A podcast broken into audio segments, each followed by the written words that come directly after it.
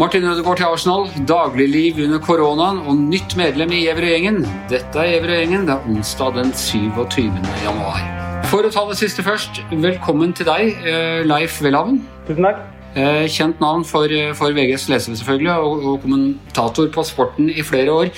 Så litt sånn rent uh, indreakademisk dette at du nå er, er på kommentarav, kommentaravdelingen. Men du, som de fleste sportsredaksjoner så er jo sportsredaksjonen i VG en stat i staten, og, og du, har, eh, du, har, hatt en egen ministerpost i denne autonome republikken? Ja, altså litt det jeg har prøvd å gjøre med den rollen, er jo å eh, skyve deler av kommentariatet om eh, sport litt vekk fra det rent hendelsesbaserte, og også en, altså en større andel som prøver å sette sporten inn i en samfunnsmessig kontekst. Samtidig som man selvfølgelig skal være tett på når det skjer store ting eh, i terminlista. Men nå er du rent sånn formelt da organisert sammen med oss, og det betyr jo at du har jo jobbet mange år som journalist med andre ting enn sport også, og, og kommenterer også på andre ting, og er da fra nå ferdig med trenetiden, du har tømt askebeger, jekka øl for oss, eh, vaska gulv i klubbhuset, og nå er du fullverdig uh, medlem av gjengen fra i dag.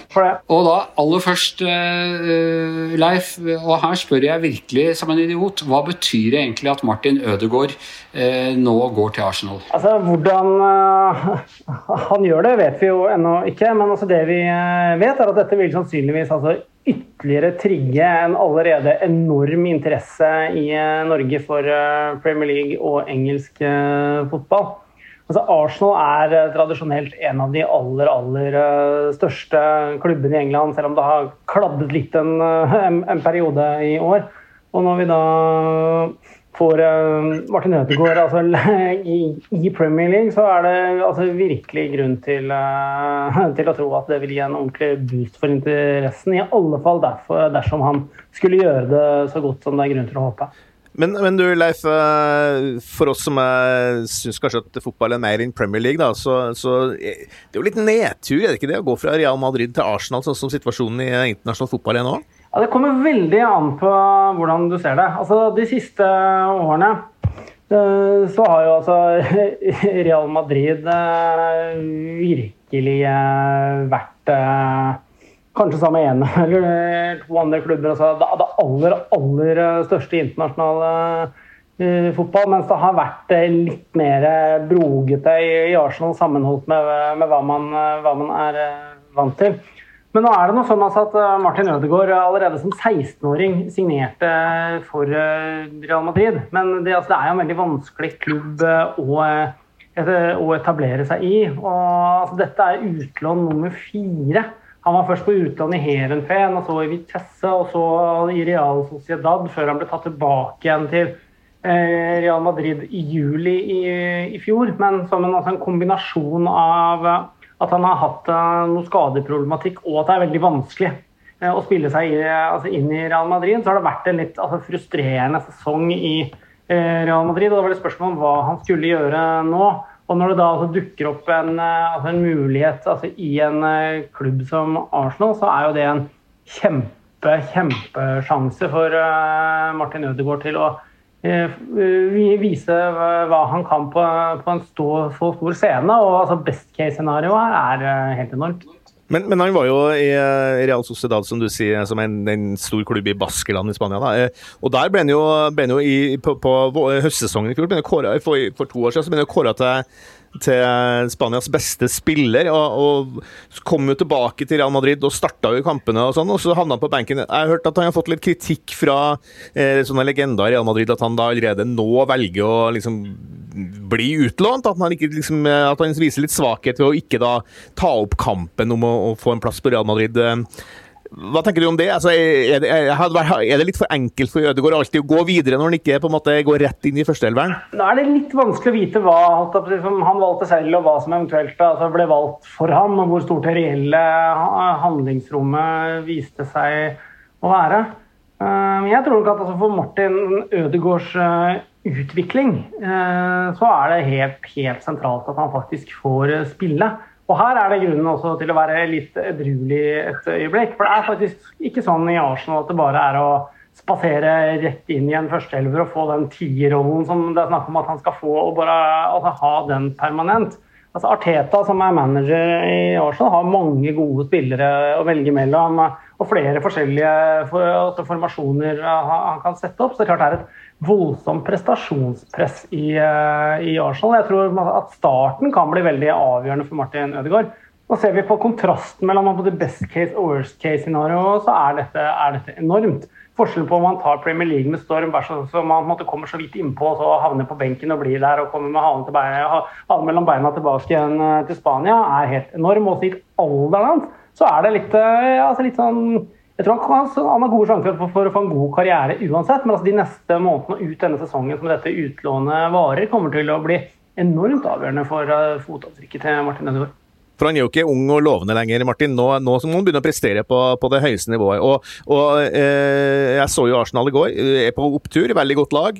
Eh, det er ikke sikkert som du ser at han spaserer rett inn på laget. Men, men jeg tenker å spørre deg, Leif, bare sånn til slutt. Hvor god er egentlig Martin Ødegaard? Altså, snakker vi her om et, et av de store, store navnene i europeisk fotball i den aldersklassen? Altså, han har potensial til å bli det, og i perioder i Sociedad så var han uh, altså, veldig god. Problemet hans har vært uh, handler litt om altså, stabilitet uh, over tid. Litt om altså, robusthet. Levere, altså, levere når det gjelder.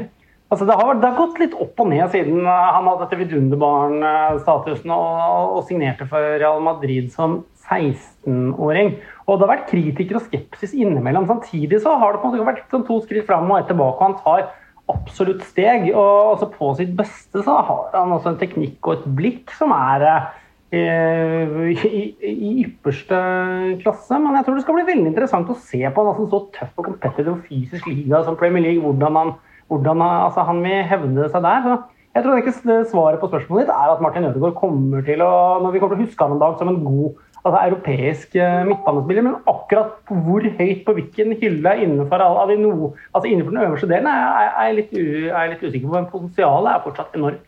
Ja, eh, Anders Giæver, ja, fotballkommentator. Ja. Eh, Ikke akkurat. Hva, lærte du mye nå, eller?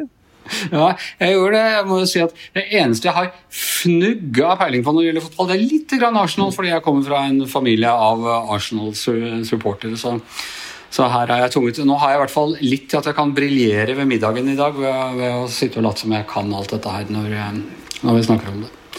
Eh, vi skal snakke litt korona, fordi Astrid eh, Mæland Jeg var i butikken i dag, og så, jeg, så, så jeg liksom å nei, nå var den fjerde pakka med sånne familiemunnbind var i ferd med å ebbe ut. Så jeg kjøpte en ny sånn.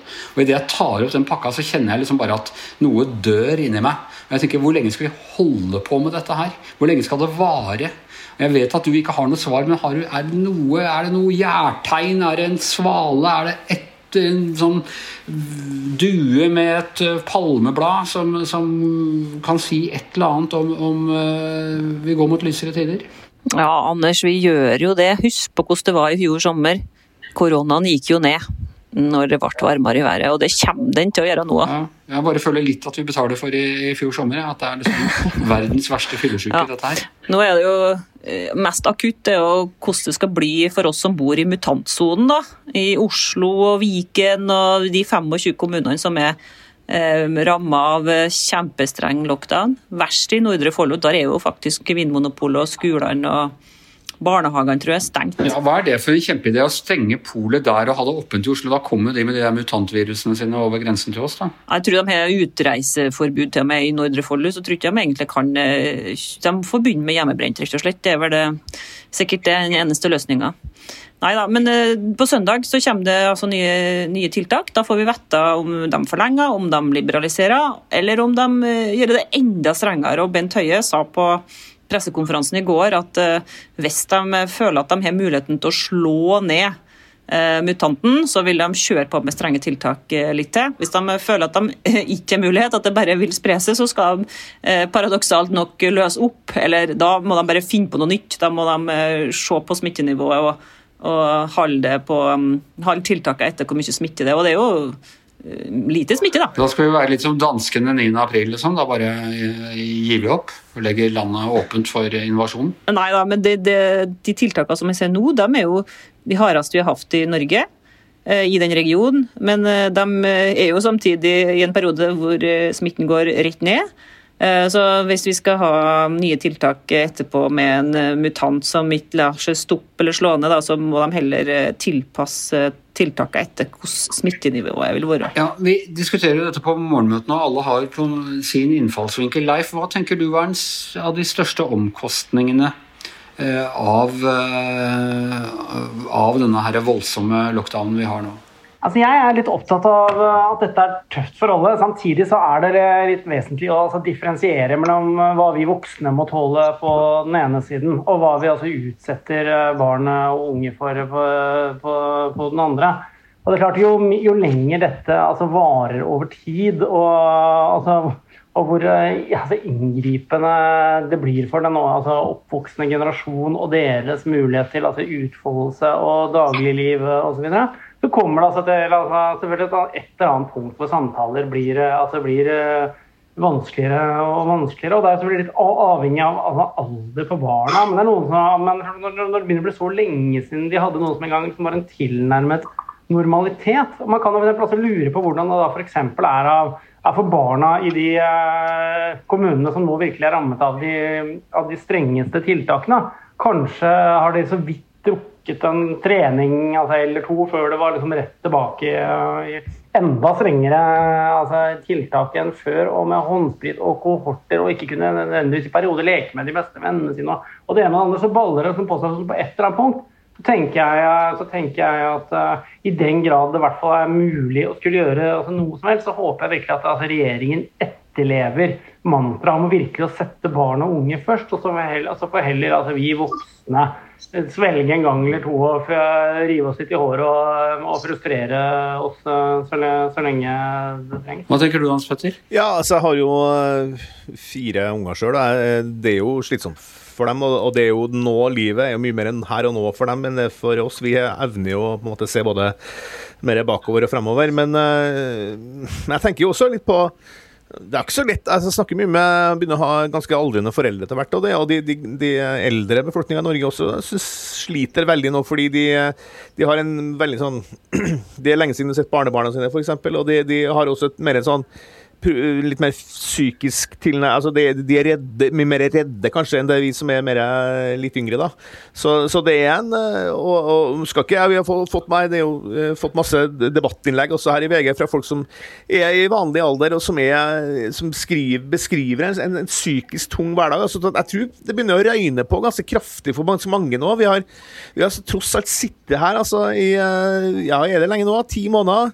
Uh, på noe som kom helt bardus på oss alle sammen. Så, så det er altså, Den lange, lange og ettervirkningene av det her, tror jeg altså, det skal bli utrolig spennende å se på hvordan vi som samfunn takler det her når, når det her på en eller annen måte da er, blir over. Astrid, hva er den aller beste nyheten her? Hva, hva, hva kan vi liksom ta til oss og, og, klamre oss til og si at glasset er tross alt halvfullt? Ja, Denne uka her så har det kommet et par gode vaksinenyheter. Ja. Eh, det er en fransk eh, vaksine, Sanofi, som sier at de skal levere eh, ganske mange millioner doser til, til oss til EU. Og så Nummer to er det at de vaksinene som allerede finnes, fra Moderna og Pfizer, de har sagt at de kan skru til vaksina si sånn at de fungerer mot den britiske varianten, og til dels mot den sørafrikanske, den vaksinen som de har nå, altså, men de kan også skru den til, sånn at de kan putt, ta bort det der gamle viruset som de putta inn, det som de fikk i januar i 2020, som altså var Wuhan-viruset, som de laga vaksinen for. Så kan de bytte ut, putte inn i den der spiken, den der tingen som står ut, og ta den nye sørafrikanske varianten som de er mest redd for. Og så sier de at det kan de gjøre på kanskje bare seks uker. Uh, mye uklarheter omkring det. Da. Det trengs nye kliniske tester før de kan sette den vaksinen ut i livet, men i hvert fall gode, gode nyheter. og jeg tenker at hvis vi ikke har hatt den vaksinen nå, da hadde det vært spanskesyken 1918 og verre. altså, da hadde jeg sett mørkt på det. Men det har jo altså flere forskjellige vaksiner. Det skal komme en ny uh, godkjenning antageligvis den uka her fra den fra AstraZeneca. Så ja, det er det som er, som er håpet, lyset, og det jeg tror på. Det er viruset som er kavaleriet, tross alt. da. Det kommer vel også en, en, en, en nyhet fra Spania her, Astrid, at det, er utvikla mye nye medisiner som også er bedre for å møte viruset. da. Sånn at eh, Det er jo ikke bare på vaksinefronten. Også, det, det blir også bedre behandlingsmetoder på sykehusene, så vi får jo tro at det blir, det blir en forbedring i måten vi møter dette på, på, på flere fronter framover. Ja, det er mange som sier det nå, at det som skjer nå, det er egentlig det eh, et frampeik om hvordan vi skal ha det resten av livet vårt. At det kommer til å være sånne mutanter, bare for å gni det inn alt sammen. Da, da blir det som influensa, at hver høst la oss si det, så finner de på en ny eh, Så ser de hva som kommer, så lager de en ny tweak i vaksina si, så blir alle vaksinert i risikogruppa. Og så holder vi det under kontroll på den måten der. Vi må, kan røpe fra, fra kommentaravdelingens møte her forleden at det, det var ett et medlem av gjengen som prøvde å roe oss andre ned da vi var på det dystreste og si jo, jo, men hør nå her, vi overlevde jo svartedauden og annen verdenskrig og i det hele tatt. Og jeg er ikke helt sikker på om vi følte oss veldig trøsta av, eh, av, den sammenligningen. Men eh, i hvert fall, eh, vaksinene er på gang. Ting skal i hvert fall bli noe bedre enn det de er nå. Det er eh, budskapet fra hvert sitt hjemmekontor. Leif Welhaven, Astrid Mæland. Hans Petter Sjøli, jeg heter eh, Anders Giæver, og mannen som vasser i tilbud fra alle mulige andre podkaster, men som forblir lojal mot sin kontrakt her, er vår produsent Magne Antonsen.